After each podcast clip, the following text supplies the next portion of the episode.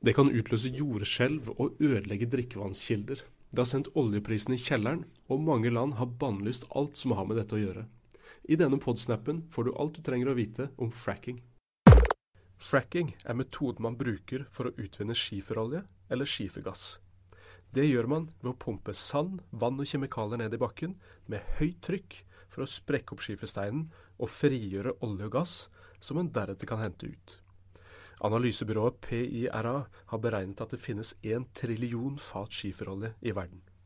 Det vil si at det ligger én million million million fat olje under skiferstein, klar for å hentes ut ved hjelp av fracking.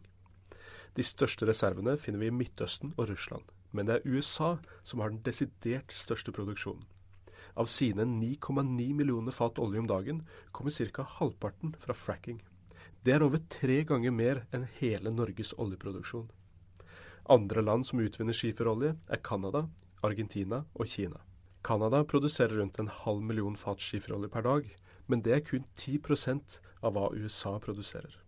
Kinesisk og argentinsk utvinning er nærmest ubetydelig så langt.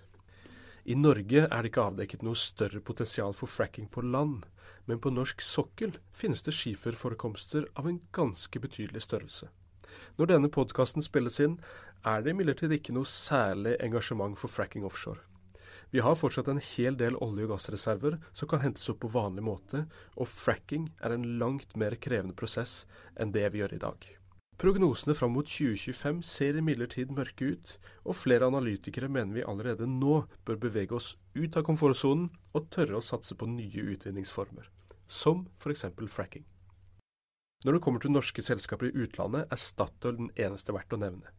De har vært tungt involvert i flere av de største frackingområdene i USA.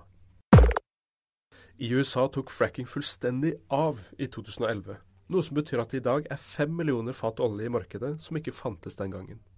Markedet klarte da ikke å absorbere tilbudsveksten, og dette er den aller viktigste forklaringen på at oljeprisen sank dramatisk høsten 2014.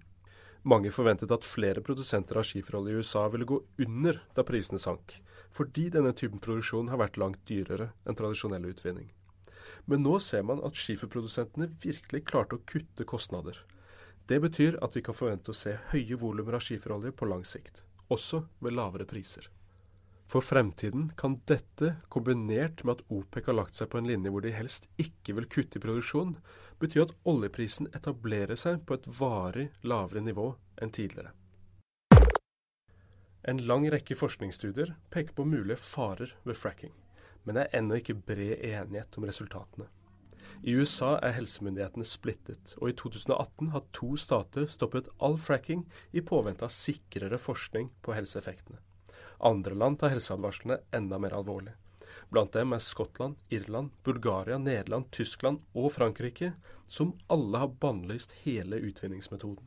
I Canada har fire av ti distrikter gjort det samme.